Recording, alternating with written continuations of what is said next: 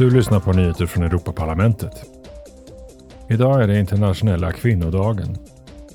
Årets tema handlar om att ta till sig rättvisetanken. Målet är att få världen att tala om och förstå varför lika villkor inte räcker. Det är nämligen otroligt viktigt att förstå skillnaden mellan rättvisa och jämställdhet. Parlamentet lägger i år sitt fokus på jämställdhet och energifattigdom. Ensamstående kvinnor får jobba hårdare för att betala sina energiräkningar än män i samma situation. Det beror ofta på att kvinnor i snitt har lägre inkomster, ofta jobbar deltid eller har osäkrare anställning. Den här veckan diskuterade utskotten för budget och ekonomi genomförandet av Invest EU-programmet som började gälla för två år sedan. Parlamentarikerna träffade budgetkommissionären Johannes Hahn och ekonomikommissionären Paul Gentiloni som sa så här.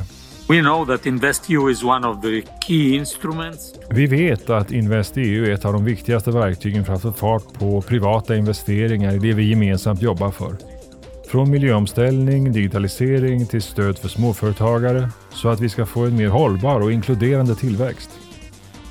InvestEU har allmänt hållna och breda stödkriterier och kan även spela en roll i att stärka EU som en ledande industriunion.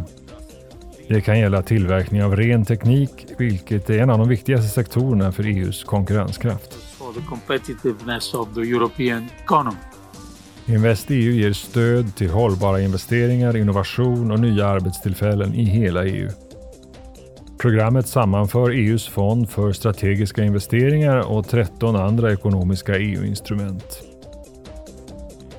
Idag och imorgon ordnar särskilda utskottet för covid-19-pandemin en workshop där man tar upp EUs krisberedskap och krishanteringsförmåga.